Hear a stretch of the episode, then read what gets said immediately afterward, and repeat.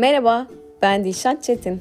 Hepimiz gibi benim de bu hayatta evlatlıktan anneliğe, öğrencilikten eğitimciliğe bir sürü farklı rolüm var. Bu rolleri deneyimlerken öğrendiklerimi bu podcast'te paylaşıyorum. Hepiniz hoş geldiniz.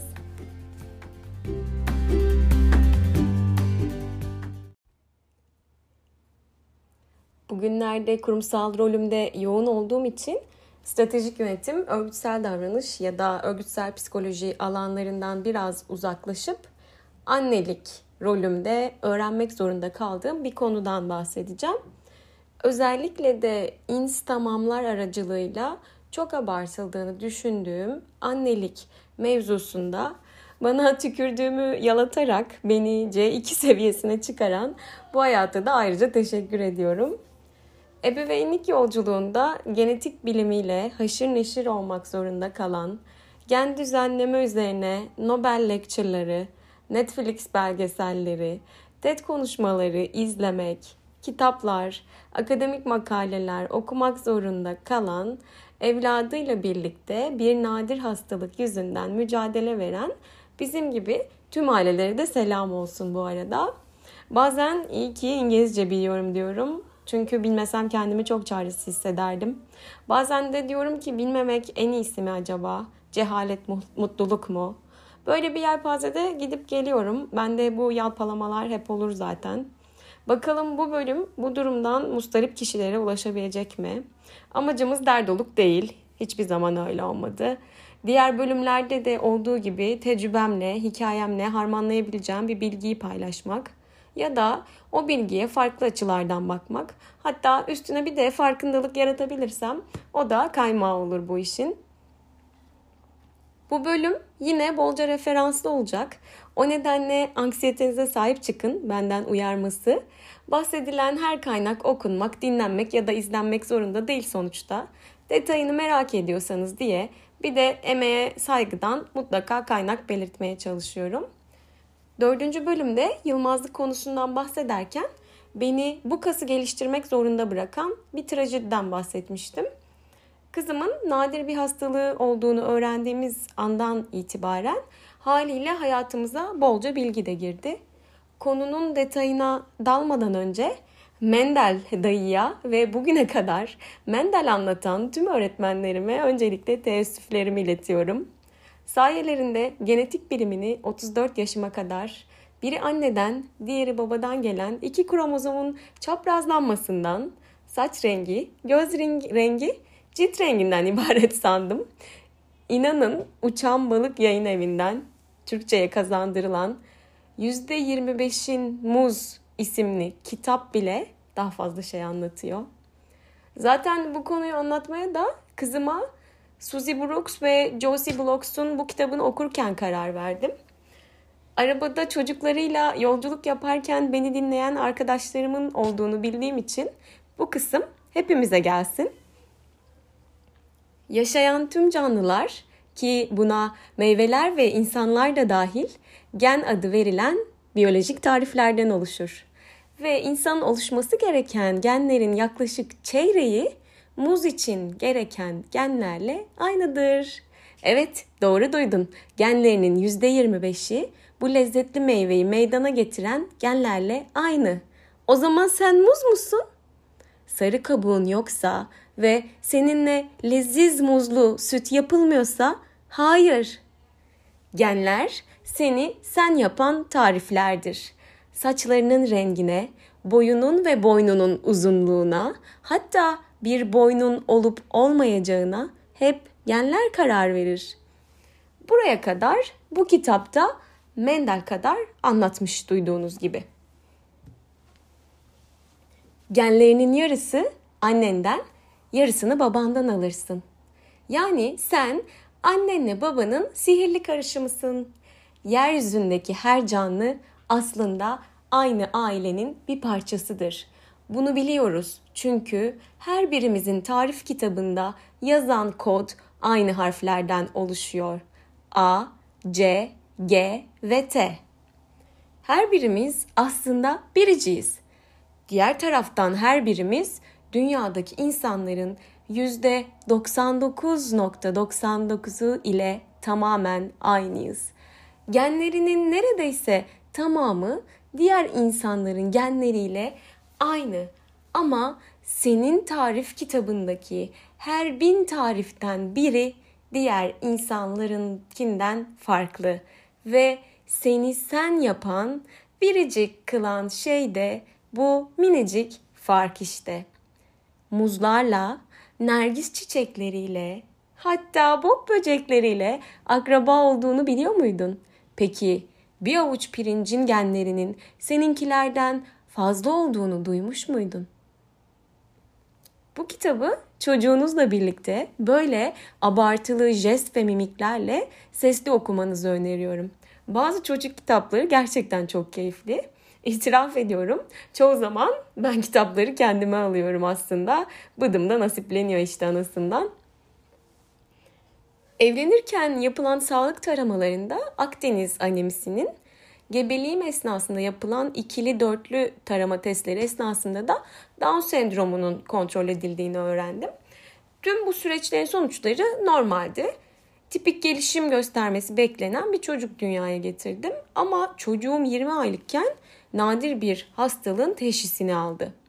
Kromozomlarını veren ebeveynler olarak taşıyıcısı bile olmadığımız bu durum onda nasıl ortaya çıktı? Bu Mendel karmaşası bende bu anda başladı. Hani genetik hastalıklar kalıtsaldı? Mendel dayı bize neler oluyordu? Şimdi şimdi gülüyorum tabii bu primitif bilgilerime. Sonuçta bir yumurta var, bir de sperm. Bunların herhangi birinin, herhangi bir noktasının döllenmeden önce, döllenme esnasında ya da sonrasında gebeliğin ilk haftalarında mutasyona uğraması söz konusuymuş. Bizim durumumuzda da dünyada 10 bin kız çocukta bir görülen bir mutasyon başımıza geldi. Bir sürü makul sebebi olabiliyormuş. O nedenle hani o ol der ve olur gibi inanç sistemlerine hiç girmeyeceğim. Öyle bir durum bence değil. Tabii bunu bulabilmek, teşhis alabilmek de çok büyük bir mesele. Ben kaç ay çabaladığımızı hatırlamıyorum yani artık herhalde 6 aylıktan sonra başlamıştık. 20 aya kadar bir 14-15 ay sırf bu ne bu ne neden hani bir takım gerilemeler fark etmiştim gelişiminde. Bunun için çabaladım. Çünkü bir anormallik var. Bunu anneler mutlaka anlıyor ama bir sürü nedeni de olabilir. Nokta atışı yapabilecek bir durum değil. Semptomlar dahilinde ihtimaller elene elene ilerleniyor. Bir ara o kadar işin içinden çıkamadım ki bir toplantı esnasında boş bir A4 kağıdını yatayına çevirip mind map zihnimin haritasını çıkardığımı hatırlıyorum. Ortasına böyle bir yuvarlağın içine sebebini yazdım. Sonra sağından solundan böyle çizgilerle dallar çıkararak semptomları yazdım. Sonra o semptomlardan tekrar dallar çıkararak hangi hastalıklara neden olabilir diye internetten bakıp o duyduğum ya da gördüğüm hastalık isimlerini tek tek yazdım ve böyle bir zihin haritası çıkarmıştım önüme deli gibi kendim kendimle beyin fırtınası falan yapıyordum artık bunu bulabilmek için. Yani hani hayatın sizi getirdiği noktaya bakın. Hani kendi bildiklerinizde, tecrübenizde bir yerden bunu bulmaya, çözmeye çalışıyorsunuz ve gücünüzün, kudretinizin de geçeceğini sanıyorsunuz ama öyle değil. Zaten daha DNA'nın hastalıklar boyutunda ne kadar açıklanabilmiş, genetik hastalıkların ne kadar daha biliniyor ki yani. Ama tabii bunları peyderpey öğreniyorsunuz. Ee, yaşadıkça, tecrübe ettikçe yaşamazsanız da hiç duymuyorsunuz, öğrenmiyorsunuz bile. Şimdi tabii ben o gün böyle aradım internetten. Kahrolasıca bu arama motoru bizim başımıza gelen durum o kağıda yazdığım dalların hiçbirinde yoktu. Kaldı ki danıştığımız hiçbir sağlık profesyoneli de bunu tahmin bile edemedi. Çünkü nadir bir hastalık. Biz de hayatımızda ilk kez duyduk zaten. Burada üç aşamalı bir yolculuk oluyor genelde. En azından bizim sürecimizde öyle oldu. Nörolojik, metabolik ya da genetik. E, ihtimalleri eleye eleye biz genetiğe geldik. Ama DNA dediğiniz yerde dipsiz bir kuyu. Bu noktadan sonra doğal olmayan seçilim mini dizisinde Jennifer Doudna'nın Koç Üniversitesi yayınlarından dilimize kazandırılan Yaratılıştaki Çatlak isimli kitabında Barış Özcan'ın ve Profesör Doktor Murat Aksoy'un YouTube vloglarında, yine Jennifer Doudna'nın TED ve Nobel konuşmalarında paylaşılan bilgileri harmanlayarak ilerleteceğim. Bizde intihal olmaz. Şimdi ÖSS biyolojiden hatırlayacağımız gibi DNA'nın açılımı deoksiribonükleik asit. Bir de RNA vardı ribonükleik asit. Bunlar ezberlendiyse devam edelim. Tüm organizmalar ve bazı virüslerin canlılık işlevleri ve biyolojik gelişmeleri için gerekli olan genetik talimatları taşıyan bir nükleik asit DNA. Başlıca rolü bilgiyi uzun süre saklaması. Bu bilgiler neler olabiliyor? Saç rengi, göz rengi, zevkler, hastalık eğilimleriyle aslında hayatımızın kader kodlaması DNA. Kimyasal olarak baktığımızda DNA nükleotit olarak adlandırılan basit birimlerden oluşan iki uzun polimerden oluşuyor. DNA'nın çift sarmal yapısını böyle gözünüzün önüne getirin. Bu iki iplik burulmuş bir fermuar gibi birbirine ters yönde uzanıyor. Şu an keşke iki işaret parmağımın hareketlerini gösterebilsem. Keşke vlog çekiyor olsam ama o kadar enerjim yok. Bu polimerlerin omurgaları ester bağlarıyla birbirine bağlanmış şeker ve fosfat gruplarından meydana geliyor. Her bir şeker grubuna baz olarak adlandırılan dört tüp molekülden biri bağlı. Bu moleküller A, C, G, T harfleriyle adlandırılan adenin, sitozin, guanin ve timin. ÖSS biyolojiden devam ediyorum. Fenciler hatırlar. Ee, standart Watson-Crick baz eşleşmesinde adenin timin ile guanin de sitozin ile bir baz çifti oluşturuyor. Yani bu ne demek? Bir sarmalda adenin bazı varsa onun karşısındaki sarmala timinin denk gelmesi gerekiyor. A harfinin karşısında T harfi ya da T'nin karşısında A harfi, G harfinin karşısında C harfi ya da C harfinin karşısında G harfi olmalı. İşte böyle insana baktığımızda anneden gelen yaklaşık 3 milyar baz bir iplikte gibi düşünün fermuarın bir tarafında ve babadan gelen yaklaşık 3 milyar baz da e, fermuarın diğer tarafında. Yani böylelikle DNA toplam yaklaşık 6 milyar bazdan oluşuyor. Hatta galiba 6.4 milyar bazdan oluşuyor. Ee, bu kadar A, C, G ya da T harfi demek bu. Bunu yazıcıdan basmaya kalksanız önlü arkalı 1 milyon A4 sayfası demek oluyor. Böyle rasyonalize edebilmeniz için gözünüzün önüne getirmeye çalışın. Bu beden, bu organizma çok kompleks. DNA'nın omurgası boyunca bu bazların oluşturduğu dizide genetik bilgiyi kodluyor. Nasıl ki bir sıfırdan oluşan bilgisayar kodlamasında hata yaptığımızda program istenen şekilde çalışmıyorsa bu kodlama esnasında da herhangi bir harf hatasının olması ya da dizinin eksik kalması da mutasyona neden oluyor. Cümlenin anlamı bozuluyor ve çok ciddi ve tedavisi henüz mümkün olmayan hastalıklara neden olabiliyor. Biz de tam olarak böyle bir harf değişikliğinin anlamı bozması probleminden mustaripiz özetle. Netflix'te 2019 yılında yayınlanan Unnatural Selection yani Doğal Olmayan Seçilim isimli mini dizinin ilk bölümünün açılışında Charles Darwin'in şu sözü alıntılanmış. Eğer toplumda öfke uyandıracak bir fikrin olsaydı onu kendine saklar mıydın? 2020 yılında kimya dalında Nobel ödülü alan Immanuel Charpentier ve Jennifer Doudna isimli bilim insanları Darwin'in bu sorusuna hayır cevabını veriyorlar ve CRISPR-Cas9 teknolojisiyle kişilerin DNA'larındaki bozuklukların tamir edilebileceğine dair araştırmalarını paylaşıyorlar. Bu arada kronolojiyi de kaçırmamak lazım. 2019'da yayınlanan Netflix belgeselinde Jennifer Doudna da var. 2020'de de ödül geliyor. Bana sanki işin reklamı peşinen yapılmış gibi hissetti. Tabii ki de çok büyük bir olay. Ama biraz daha kronolojiyi biraz daha anlattıkça belki siz de böyle hissedersiniz. Olaylar tabii hep bilim tarafından aktarılmış her platformda. Bakım verenler ya da bireyler tarafından anlatan kimse olmadığı için yine bir benim de söyleyeceklerim var dostlar Romalılar seansı yaşıyoruz. Genetik biliminin tarihine de kabaca bir göz atarsak ben 1950'lerden başlayarak anlatacağım. Detaylı incelemek isterseniz Wikipedia'da güzel açıklanmış öncesi sonrası. 1953'te DNA'nın çift sarmal biçimli modeli sunuluyor.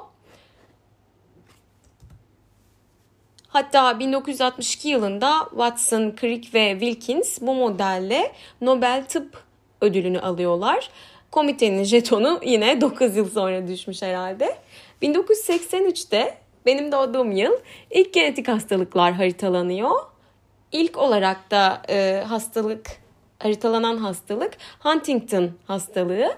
Haziran 2020'de yani ben 17 yaşına gelmişken hem Ulusal İnsan Genomu Araştırma Enstitüsü hem de Celera Genomics insanın genomunun DNA dizilimlerinin %99.9'unu saptamış olduklarını açıklıyorlar.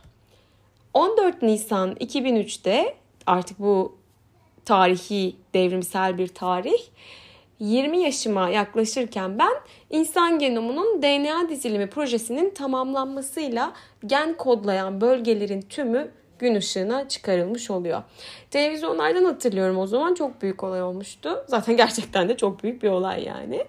Ülkemizde daha çok DNA'nın tanınması, incelenmesi, analizi yolundaki çalışmalar bilinirken CRISPR-Cas9 teknolojisiyle dizilimdeki bozuklukların nasıl tamir edilebileceği konuşulmaya başlandı. Hem bilimsel hem de evrimsel bir sıçrama yaşandı aslında. Yaşanıyor, yaşanmaya da devam edecek. Peki nedir bu CRISPR-Cas9 teknolojisi?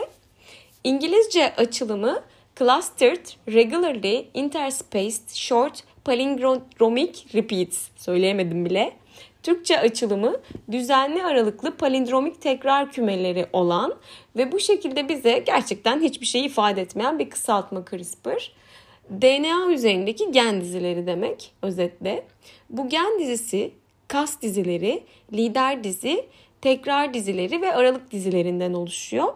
Bir canlı için tekrar dizileri tamamen aynı. Aralık dizileri ise farklılık gösterebiliyor. Kas ise CAS diye yazılıyor. Kas diye okuduğumuz normal bildiğimiz kas değil. Proteinlerin genel adı. CRISPR kümelerinin varlığı aslında 1980'lerden beri biliniyor. Ancak canlının savunma mekanizmasındaki rolü 2005'te kanıtlandı. Aralık dizilerinin o canlıyı enfekte eden bazı virüslerle aynı dizilime sahip olduğu bulundu.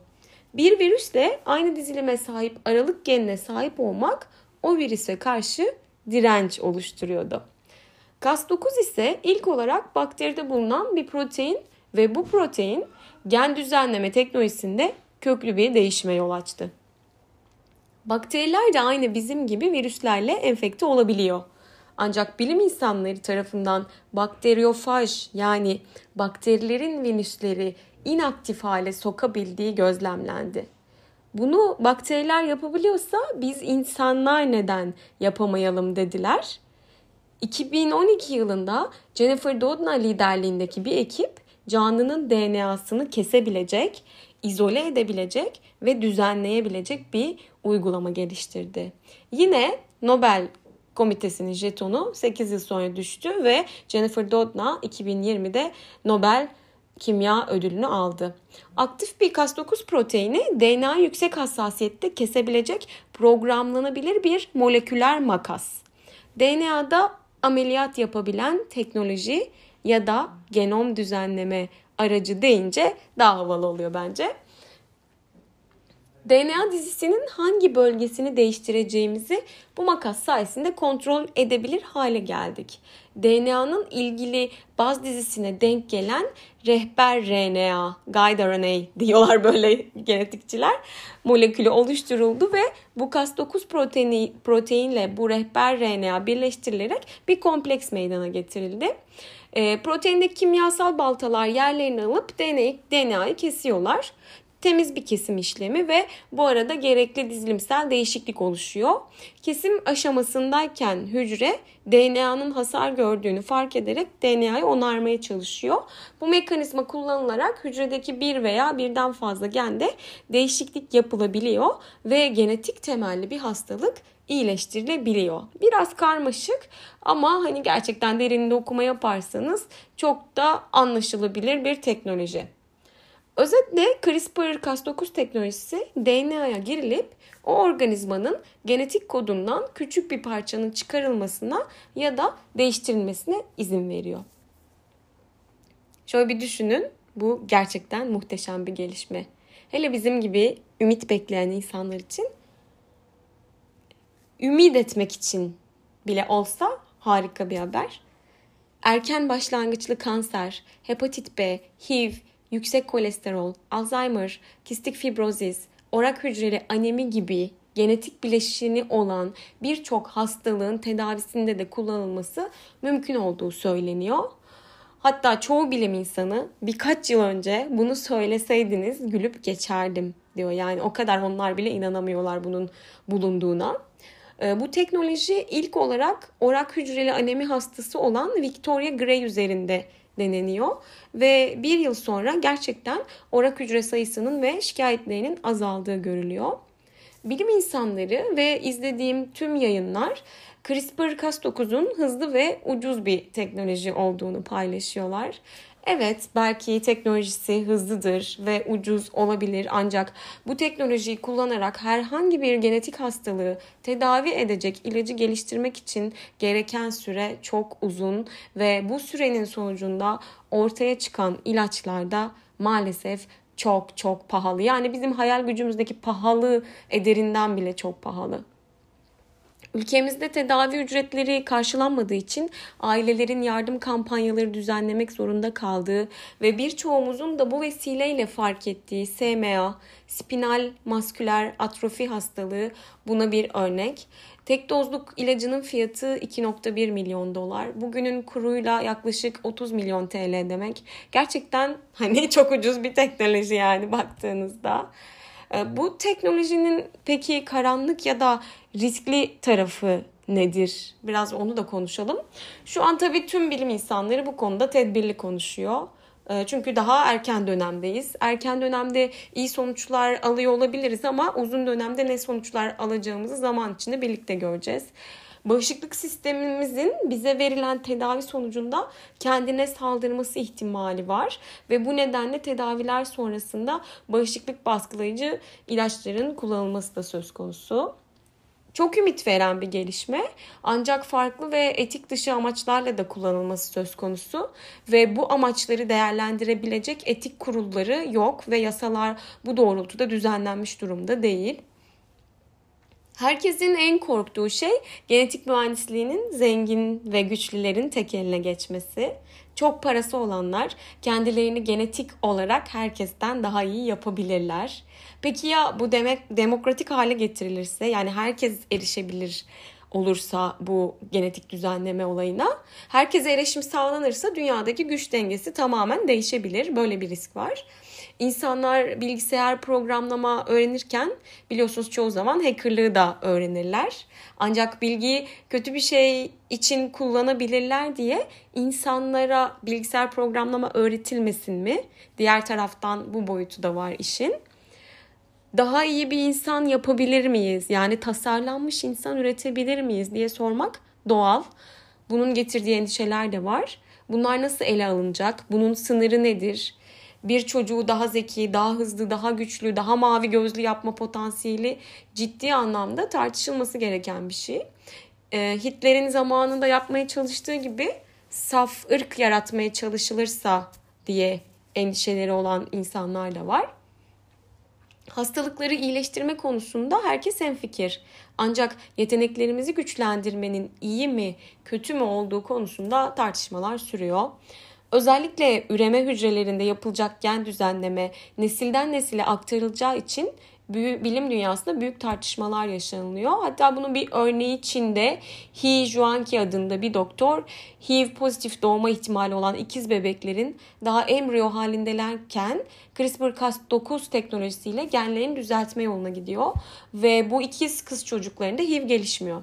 Ancak sonrasında bilim dünyasında etik tartışmaları başlıyor Çin hükümeti çalışmanın kendilerinin ve etik komitenin onayından geçmemesi sebebiyle Doktor He'nin lisansını iptal etti ve 3 yılda hapis cezasına çarptırıldı. Bunun sonu yok. Gelecek nesillerin DNA'sını belirlemek bizim elimizde olabilir ve bu kötü bir biçimde şekillendirilirse insanoğlu her türlü riskle karşı karşıya kalabilir.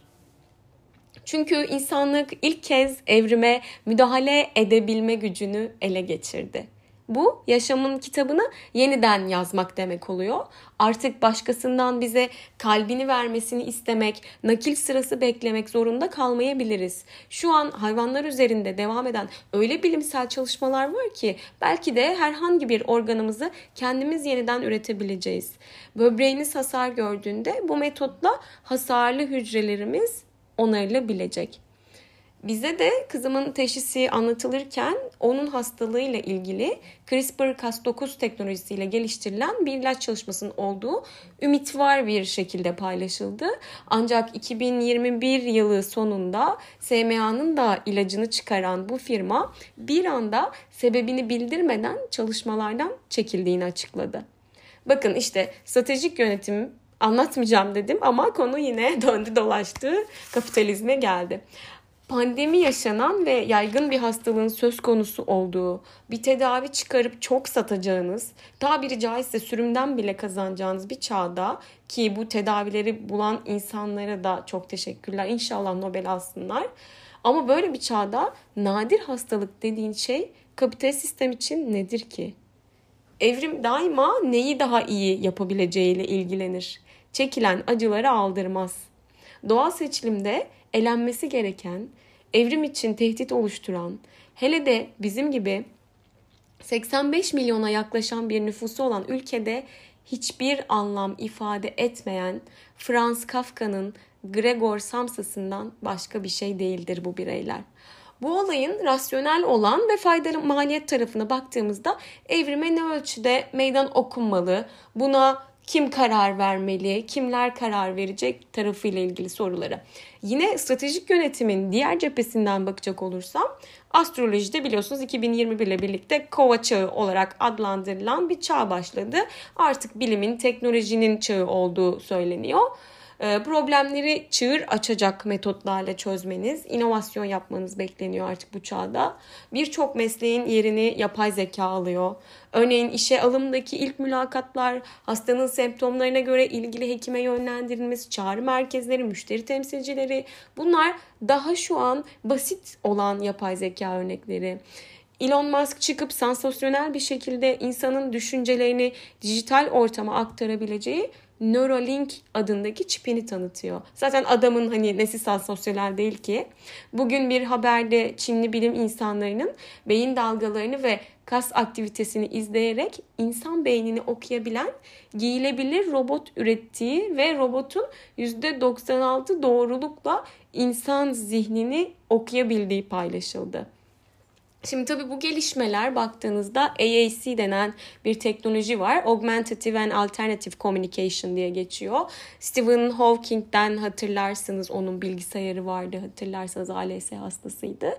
E, alanında bu alanda çığır açacak ve sadece düşünceleriyle iletişime geçebilen, sözlü ya da beden diliyle kendi ifade kendini ifadesi olanaksız olan benim kızım gibi bedeni içine hapsolmuş bireylerin umudu olacak. Güçlü bir içerik bulursam bu AAC üzerine de bir bölüm kaydederim belki. Bu nedenle ilaç şirketlerinin de primitif olarak böyle karlılık boyutundan çıkması gerekiyor bence artık. Sürdürülebilir rekabet için uzun vadede bu yeni teknolojilere yatırım yapmak zorunda ve inovatif olmak zorunda olduklarını düşünüyorum. Biraz karışık, anlaması zor konular. Ama diğer taraftan baktığınızda ebeveynliğin neresi kolay ki yani? Tipik bir ebeveyn olsanız da bu tarz konularla uğraşsanız da gerçekten ebeveynlik kolay bir şey değil. Her anne baba gibi bizim de yapabileceğimiz dünya üzerinde bir fırsat varsa imkanlarımız dahilinde o fırsata ulaşmak ve içimize siniyorsa onu çocuklara sağlamak, çocuğumuza sağlamak bizim bu dünyadaki bence misyonumuz ve görevimiz. Çocuk kitabımızda da yazdığı gibi hepimiz biriciyiz. Çocuklarımız da biricik. Bu biricikliğimizle de tamamız aslında. Okey yani bu halimizle de problem yok. Önemli olan bu biricikliğimizle daha konforlu yaşayabilmek. Onları biraz daha iyi hayat standartlarına ulaştırabilmek ve bu imkanları biriciğimize sağlayabilmek. Ben Ee, bir anne olarak böyle düşünüyorum en azından. Bunu öğrendiğim, duyduğum, bildiğimden ve bu yolculuğa çıkma, çıktığım günden beri.